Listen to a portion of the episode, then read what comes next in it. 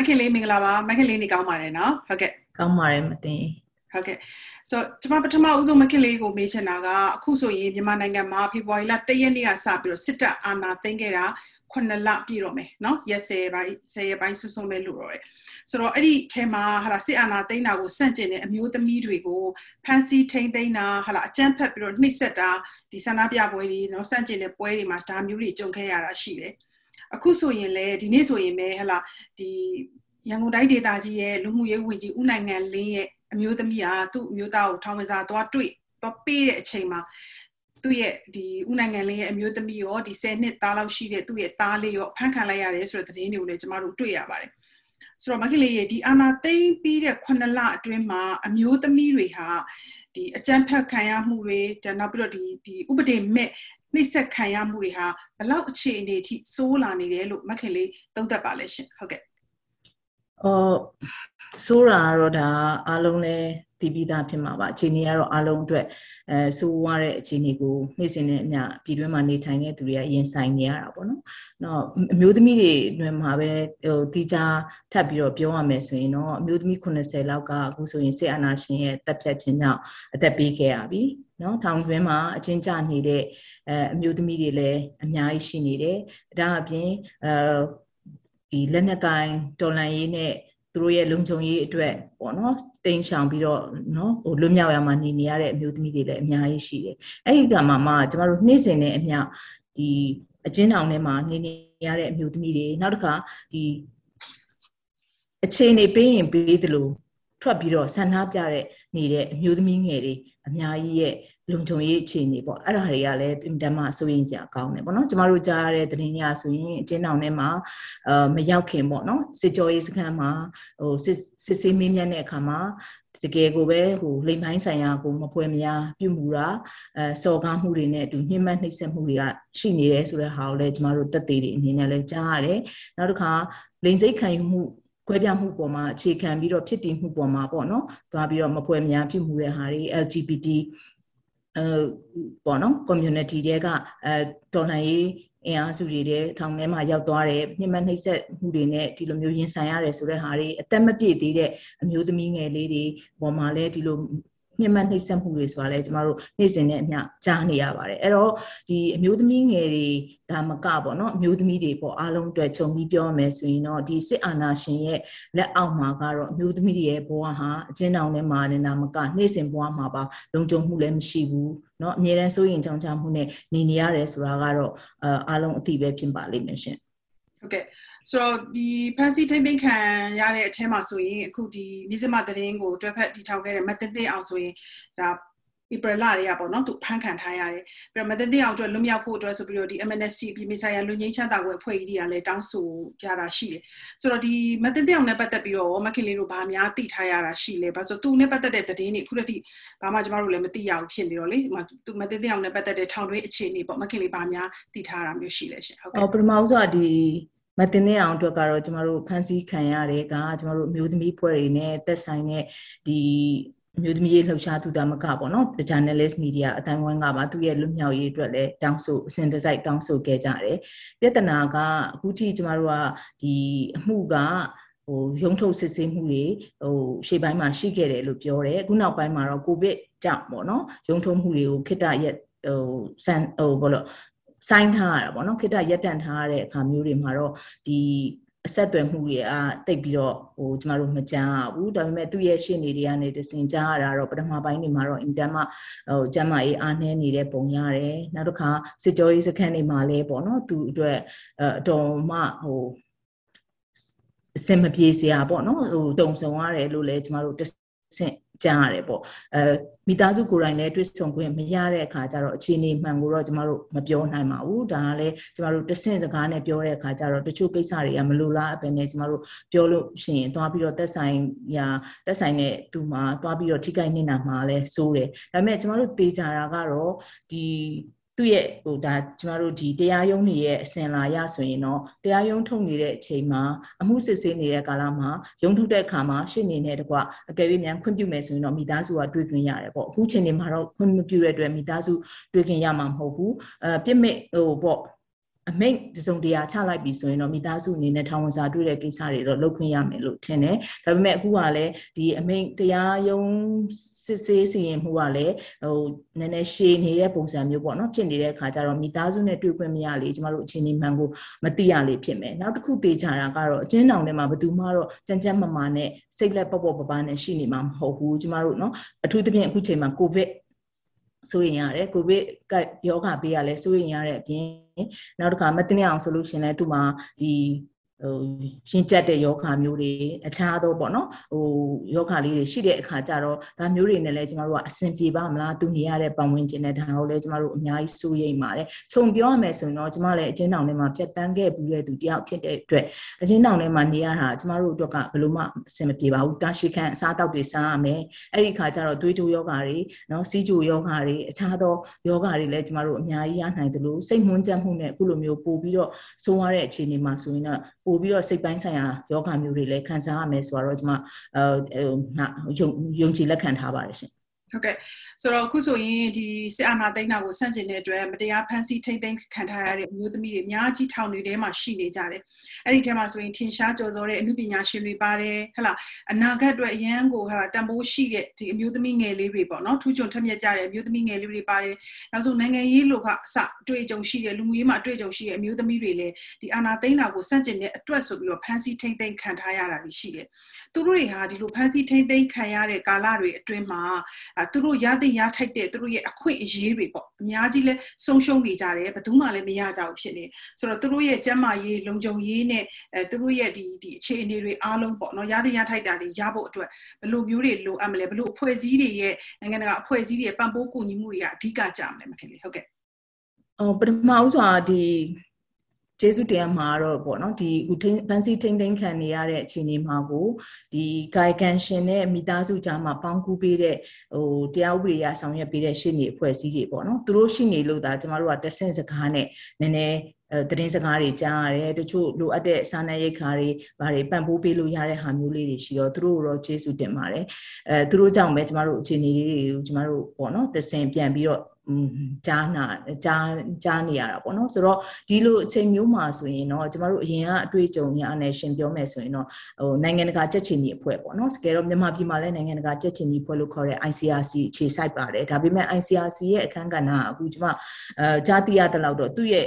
ပါဝင်ပတ်သက်မှုနဲ့ဥဆောင်မှုဟာဟိုမရှိတဲ့လောက်ကိုကျမနည်းနေတယ်လို့ကျမယူဆမိပါတယ်ကျမတို့ဘုံကဆိုရင်လည်း ICRC ကနေပြီးမိသားစုဝင်တွေနဲ့ ဒီအကျဉ်းချခံနေရတဲ့သူတွေကြားမှာချိတ်ဆက်ပေးတာစာရီရေးလို့ရအောင်ပစ္စည်းတွေပို့လို့ရအောင်เนาะဒီလိုမျိုးတွေ့ခွင့်ရအောင်အတွက်ဖန်တီးပေးတဲ့မှုတွေလည်းအများကြီးရှိတယ်။နောက်အကျဉ်းထောင်တွေကိုလာပြီးတော့အဲစစ်ဆေးခွင့်ပေါ့เนาะစစ်ဆေးခွင့်အကျဉ်းအကျဉ်းချခံနေရတဲ့နိုင်ငံရေးကျဉ်းသားတွေနဲ့တွေ့ဆုံခွင့်အင်တာဗျူးခွင့်ရအောင်သူတို့လုပ်တဲ့အတွက်ဘာပဲပြောပြောအကျဉ်းထောင်တွေကလူတွေအတွက်အ ਨੇ ဆုံးကျန်တဲ့နေ့တွေမှာမလွတ်လပ်တောင်ဒီ ICRC လာမယ်ဆိုတဲ့နေ့မှာတော့သူတို့က အားလုံးအဆင်ပြေတဲ့အောင်ဖန်တီးပေးထားတယ်။နော်ဖန်တီးပေးထားတဲ့အခါကျတော့အကျဉ်းထောင်တွေကအခွင့်အရေးတွေအပြည့်အဝရတယ်လို့ဖန်တီးပေးထားတဲ့အတွက်အ ਨੇ ဆုံးတော့ကျမတို့ကျင်းထောင်ထဲမှာနေရတဲ့လူတွေအတွက်တော့အဲ့ဒီတစ်နေ့ကဟိုနည်းနည်းလေးရွှေအောင်တန်းတဲ့နေ့လို့တောင်ပြောလို့ရတယ်ပေါ့။ဒါပေမဲ့အခုလိုအခြေအနေမျိုးမှာကျတော့ ICRC ရဲ့အခန်းကဏ္ဍကလည်းကျမတို့တိတ်အားရစရာမရှိဘူး။အဲ့တော့နိုင်ငံတကာအဖွဲ့အစည်းတွေအနေနဲ့ဒီ ICRC ကိုပို့ပြီးတော့ပံ့ပိုးပေးထားတဲ့အလူရှင်အဖွဲ့အစည်းတွေအနေနဲ့ကတော့ ICRC ကပို့ပြီးဒီထက်တက်တက်လက်လက်နဲ့အလုံးလုံးနိုင်အောင်အတွက်နောက်ပြီးတော့ အကျဉ်းထောင်ထဲမှာရှိတဲ့အကျဉ်းချခံနေရတဲ့အဲအမျိုးသမီးတွေကအားလုံးပေါ့နော်အကျဉ်းချခံနေရတဲ့သူတွေကိုတွေ့ဆုံခွင့်ရအောင်နော်သူတို့ရဲ့အခြေအနေကိုလေ့လာခွင့်ရအောင်တွန်းအားပေးပြီးတော့လုပ်တင်တယ်လို့တော့ကျွန်မမြင်တယ်ဒီအချိန်မှာတော့သူတို့လိုမျိုးအဖွဲ့အစည်းတွေနဲ့နိုင်ငံတကာဒီလူသားချင်းစာနာမှုထောက်ပံ့မှုပေးတဲ့အဖွဲ့အစည်းတွေလောက်ပဲသူတို့နဲ့ဆက်သွယ်ပြီးတော့ဆောင်ရွက်လို့ရမယ်လို့ထင်တယ်ကျန်တဲ့အဖွဲ့အစည်းတွေဝင်ရောက်ဆောင်ရွက်ဖို့ကြတော့လေအင်တန်မှအခက်အခဲရှိမယ်လို့ထင်တယ်အဲ့ဒီအတွက်ဥမာနောက်တစ်ခုကတော့ကျမတို့ဟို ထိမ့်သိမ်းခံရတဲ့သူတွေကိုကျန်းမာရေးရစောင့်ရှောက်ခွင့်ပေးဖို့ကိစ္စလည်းအင်တန်မှအရေးကြီးပါတယ်ကျမတို့ NHD ကဘိုးလုံးမှုဆောင်အဖွဲ့ဝင်ဖြစ်တဲ့အန်ကယ်ဦးညံဝင်းမကြခင်ကပဲဟိုကိုဗစ်ရောဂါနဲ့ဆုံးပါသွားတယ်သူတို့ဟာစရဲကဖမ်းဖန်ခါတဲ့ပုံကိုယ်တွေမဟုတ်ပါဘူးအသက်အရွယ်လည်းကြီးတဲ့အပြင်ကျန်းမာရေးတွေလည်းငကိုတွေကမကောင်းပါဘူးနောက်ခါအခုလိုမျိုးကိုဗစ်ဖြစ်တယ်ထောင်ထဲမှာလူဦးရေတွေများစွာနဲ့ဟိုကျန်းမာရေးဆောင်ရှောက်မှုအားနည်းတဲ့အခါကျတော့မကြွေလင်းတဲ့မဲ့ကြွေလင်းရတဲ့အဲလူတွေဖြစ်သွားတဲ့အတွက်ဒီလိုမျိုး ဖန်စီထိမ့်သိမ်းထားခြင်းမှာအသက်အန္တရာယ်ရောကျန်းမာရေးရောထိခိုက်မှုတွေဟာဒီစစ်အာဏာရှင်မှာပဲကျမတို့တာဝန်ရှိတယ်အဲ့ဒါကြောင့်မလို့ဒီကျန်းမာရေးစောင့်ရှောက်မှုတွေအနေနဲ့လည်းပို့ပြီးတော့ကောင်းမွန်တဲ့စောင့်ရှောက်မှုရအောင်အတွက်သက်ဆိုင်ရာအဖွဲ့အစည်းတွေကနေပြီးတော့တောင်းဆိုပြီးတော့တိုက်တွန်းလှုပ်ဆောင်မှုတွေလည်းလုပ်ဖို့လုပ်ပေးဖို့လိုမယ်လို့ကျမတို့မြင်ပါတယ်ရှင်ဟုတ်ကဲ့ဆိုတော့ဒီဖေဖော်ဝါရီလ၁ရက်နေ့အာဏာသိမ်းပြီးတဲ့အချိန်ကနေပြီးတော့အခုအချိန်ထိကျမတို့ တကယ်ကိုထင်ထင်ရှားရှားနဲ့တကယ်ကိုတံပိုးထားပြီးတော့ဒီသမိုင်းဝင်တွေ့လိုက်ရတာတော့လူငယ်တွေပေါ့နော်လူငယ်တွေသူ့ထဲမှာမှတကယ်အမျိုးသမီးတွေတကယ်ကိုထူးချွန်ထက်မြက်ပြီးတော့ အမတန်အမျှော်မြင်ရှိတဲ့တက်ကြွတဲ့တတိရှိတဲ့အမျိုးသမီးငယ်တွေအများပြားကိုကျမတို့တွေ့လိုက်ရပါတယ်ဆိုတော့လူငယ်ပေါ့နော်တွေ့ရတယ်အဲ့ဒီထဲမှာမှဒီပထမအစောပိုင်းအောင်ဆိုလို့ရှိရင်မန္တလေးကမကျဲစင်ပေါ့နော် Angel တို့မျိုးဒီသက်ဆုံးလက်သွားတာရှိရဲဒါပြီးခဲ့တဲ့တိတ်မကြသေးခင်ရဆိုရင်44လမ်းမှာဆိုရင်မပန်းသီးနော်သူတို့လို့ဆိုရင်ဒီတိုက်ပေါ်ကနေခုံချပြီးတော့ဒီကိုအခြေအနေဇူးမျိုးတွေကိုလည်းကြုံခဲ့ရတယ်ခုနမခင်လေးပြောသလိုဆိုရင်ဒါ80ကျော်ပေါ့နော်မျိုးသမီးတွေသက်ဆုံးပေးခဲ့ရပြီဒီတော့ဒီနိုင်ငံအတွက် အဲဘလောက်အထိအမျိုးသမီးတွေရဲ့ကဏ္ဍဟာအရေးကြီးနေလဲဘာလို့ဆိုကျွန်မတွေ့ရတာကလေဒီစခုချိန်ထိရရင်ရတယ်လို့เนาะဆန္ဒပြနေတဲ့အထက်မှာတကယ့်ကိုအမျိုးသမီးတွေရွရွချွန်ချွန်နဲ့ဆန္ဒပြနေကြတာမကြောက်မလက်เนาะဒီရတရားတဲ့လူအုပ်ကလေးနဲ့ဆန္ဒပြတာတွေတွေ့ရဆိုတော့ဒီတော်လှန်ရေးကြီးမှာအမျိုးသမီးတွေရဲ့ပါဝင်နေမှုအင်အားနဲ့ပတ်သက်ပြီးတော့မခင်လေးဘယ်လိုသုံးသပ်ပါလဲရှင်ဟုတ်ကဲ့ကျမကတော့ဒီຫນွေဦးတော်လှန်ရေးမှာအမျိုးသမီးအထူးသဖြင့်အမျိုးသမီးငယ်တွေရဲ့ပါဝင်မှုဟာ တကယ်ပဲကြောက်ခမန်းလိလိပေါ့နော်တကယ်ဖြစ်ပါတယ်လို့တကယ်လေးစား ဂုဏ်ယူစရာပေါ့နော်ချက်သိန်းချက်မွေးထစရာဖြစ်ပါတယ်ဘာလို့လဲဆိုတော့ဟိုမတ်တင်သီရီခုနပြောသလိုပဲအခွင့်အရေးရရင်ရတယ်လို့ထွက်ပြီးတော့ဆန္ဒပြကြတာလဲအမျိုးသမီးငယ်တွေပေါ့နော်ကျမအနေနဲ့ဒါဆိုရင်မစင်စားဝင်လောက်အောင်ဒီလောက်အငြယ်တွေနဲ့ပေါ့နော်ဟိုဟိုပြစ်တက်ခံရမလားเนาะရဲရဲဆက်ဆက်ရိုက်နှက်ဖန်ဆီးခံရမလားမသိတဲ့အခြေအနေမျိုးမှာတော့စွန့်စားပြီးတော့ဟိုတိုက်ပွဲဝင်နေကြတဲ့အမျိုးသမီးငယ်တွေအများကြီးကိုတွေ့ရတဲ့အခါကျတော့ကျမတို့တော်လှန်ရေးက အောင်မဲဆိုတဲ့စိတ်ကိုလည်းကျမပို့ပြီးတော့ယုံကြည်မှုဖြစ်ဖြစ်မိပါတယ်ဟိုအရင်ခေတ်ကားတွေမှာလည်းကျမတို့88မှာပဲဖြစ်ဖြစ်ဒီခေတ်ကိုဖြတ်တန်းလာခဲ့ရတဲ့သူတယောက်အနေနဲ့တော့အမျိုးသမီးတွေကတော်လှန်ရေးတိုင်းမှာအဲတိုက်ပွဲတိုင်းမှာပါပါတယ်ဒါပေမဲ့ဒီຫນွေဦးတော်လှန်ရေးမှာပါဝင်မှုကတော့ဘယ်ခေတ်ဘယ်ခါနဲ့မှမတူပဲစံချိန်တင်တယ်ဒီအမျိုးသမီးတွေရဲ့နော်ပြောင်မြောက်တဲ့တတိနဲ့ဟို စိတ်ဆုံးပန်းဖြတ်မှုကြောင့်ပဲကျမတို့တော်လှန်ရေးဟာအဲမကြမီမှာအောင်မယ်လို့တော့ကျမယုံကြည်တယ်ဒီအမျိုးသမီးတွေရဲ့ပါဝင်မှုကိုကျမကနောက်တစ်ခုကတော့စိတ်ထဲမှာအမြဲတမ်းဟိုသက်ဆိုင်တဲ့သက်ဆိုင်ရာနိုင်ငံရေးခေါင်းဆောင်တွေကိုလည်းအတိပေးခြင်းတတိပေးခြင်းတာကတော့အမျိုးသမီးတွေဟာအနစ်နာခံရတဲ့နေရာမှာပဲပါဝင်နေရပြီးတော့เนาะအသာဆန်ရမယ့်နေရာမှာကြရင်မေ့လျော့ထားမှလည်းကျမစိုးရိမ်တယ်ဒါပေမဲ့အခု NUG ဆိုရဖွဲ့မှာလည်းအမျိုးသမီးတွေအဲများ တော်တော်များများပါဝင်လာကြတယ်ဒါကိုလည်းကျွန်မက tokenism လို့ပေါ့နော်အာပါရယုံတက်တက်မျိုးမဟုတ်ပဲတကယ်ဒီအမျိုးသမီးတွေပါဝင်နေတဲ့အမျိုးသမီးတွေရဲ့အတန်တွေသူတို့ရဲ့ဆုံးဖြတ်ချက်တွေသူတို့ရဲ့အယူဆတွေကိုတည်တည်ချာချာလေးလေးဆဆထည့်သွင်းနားထောင်ပြီးတော့အအလုပ်ကိုတွဲလှုပ်တဲ့ဟာမျိုးကိုတော့ကျွန်မပိုဖြစ်စေခြင်းတယ်အဲ့ဒီအလေးထားမျိုးဖြစ်အောင်တော့ကျွန်မတို့ပြောင်းနိုင်မယ်ဆိုရင်တော့ကျွန်မတို့တော်လန်ရေးနဲ့အတူဂျာမဒန်းတူညီမျှရေးနဲ့အမျိုးသမီးတွေရဲ့ဥဆောင်မှုကလည်းပို့ပြီးတော့ဟိုပြောင်မြောက်လာလိမ့်မယ်လို့ကျွန်မတို့လေးလေးနက်နက်ယုံကြည်ရရှင် ဟုတ်ကဲ့ပါခင်လေနောက်တစ်ခုကလေအခုဆိုရင်ဒီရှမ်းပြည်နယ်တို့ဟလာကင်းပြည်နယ်တို့ခြားနေရာတွေမှာဒီတိုက်ပွဲတွေပြန်ပြီးတော့ဖြစ်လာကြတယ်တိုက်ပွဲတွေဖြစ်တဲ့အတွက်ဒီစစ်ပေးဒုက္ခတွေတွေလည်းပို့ပြီးတော့များလာတယ်တကယ်တော့နိုင်ငံရေးမတိမငြိမ်ဖြစ်လာတယ်ဒုက္ခရောက်လာတယ်ဆိုရင်အမျိုးသမီးတွေကလေးတွေနဲ့အသက်အရွယ်ကြီးရင်းတဲ့သူတွေဟာဒီဒုက္ခတွေကိုအရင်ဆုံးပေါ့အများဆုံးခံစားကြရတာရှိတယ်ဆိုတော့အခုလိုမျိုးဒီ ပေးဒုက္ခတွေပို့ပြီးတော့များလာတဲ့အခြေအနေတွေတိုက်ပွဲတွေဖြစ်လာတဲ့အခြေအနေတွေပေါ်မှာရောမခင်လေးဘယ်လိုသုံးသပ်ပါလဲရှင်တို့ဘယ်လောက်အထိကိုပဲလူအခွင့်အရေးဆုံးရှုံးနေပြီလို့မခင်လေးပြောနိုင်မလဲဟုတ်ကဲ့ဒီ တိုင်းသားအဲဒေတာတွေမှာနေမြေမတည်ငြိမ်တာเนาะပြည်တွင်းစစ်တွေဖြစ်နေတာကတော့အခုဒီစစ်အာဏာရှင်လက်ထက်မှာမဟုတ်ပါဘူးနှစ်ပေါင်းတော်တော်ကြာနေပါပြီအဲ့ဒီဒေတာတွေမှာရှိတဲ့စစ်ပေးရှောင်တွေအဲဒုက္ခတဲ့စကားမှာနေနေရတဲ့စစ်ပေးရှောင်စကားမှာနေနေရတဲ့သူတွေကလည်းဟိုတော်ကြာနေခဲ့ပါပြီသူတို့ရဲ့ဒုက္ခတွေလူနည်းစုတွေရဲ့ဒုက္ခတွေဟာလည်းကျမတို့မဆန့် ပေါ့နော်ဟိုတော်တော်များများဟိုမချိမဆန့်ခံနေရတဲ့ဒုက္ခတွေဖြစ်နေတယ်အခုကာလမှာတော့ပိုဆိုးတာပေါ့နော်အခုကာလမှာတော့ပိုပြီးတော့ဟိုဒုက္ခတွေပိုများလာတယ်နေရဆုံးခွာရတဲ့သူတွေပိုများလာတယ်အဲ့ဒီမှာမှအမျိုးသမီးနဲ့ အဲဒီတက်ကြီးရွယ်ဦးတွေကလေးငယ်တွေရဲ့ဒုက္ခပိုများမယ်ကျမတို့တိုင်းသားဒေသတွေမှာဆိုအားလုံးသိတဲ့အတိုင်းအိမ်တွေမှာဆိုရင်အဲအမျိုးသားတွေကပေါ်တာဆွဲလို့ပဲဖြစ်စေသို့မဟုတ်ရင်စစ်ထဲမှာပဲကိုယုံကြည်မှုနဲ့ပါသွားလို့ပဲဖြစ်စေအမျိုးသမီးနဲ့တက်ကြီးရွယ်ဦးကလေးငယ်တွေပဲဒီစစ်စစ်ဘေးဒုက္ခကိုအများစုလှိမ့်ပြီးတော့ခံစားကြရတာဖြစ်တဲ့အတွက်ဒီဒေသကအဲဒီမိသားစုတွေအမျိုးသမီးတွေအတွက်ကတော့ကျမတို့အင်တန်မှစိုးရင်ကြဖြစ်ပါတယ်အခုဆိုရင်လည်းမကြမီတန်းပြည်ရဲ့ဒီကျမတို့နိုင်ငံရေးအခြေအနေအရဆိုလို့ရှင်လည်းအားလုံးကဒီ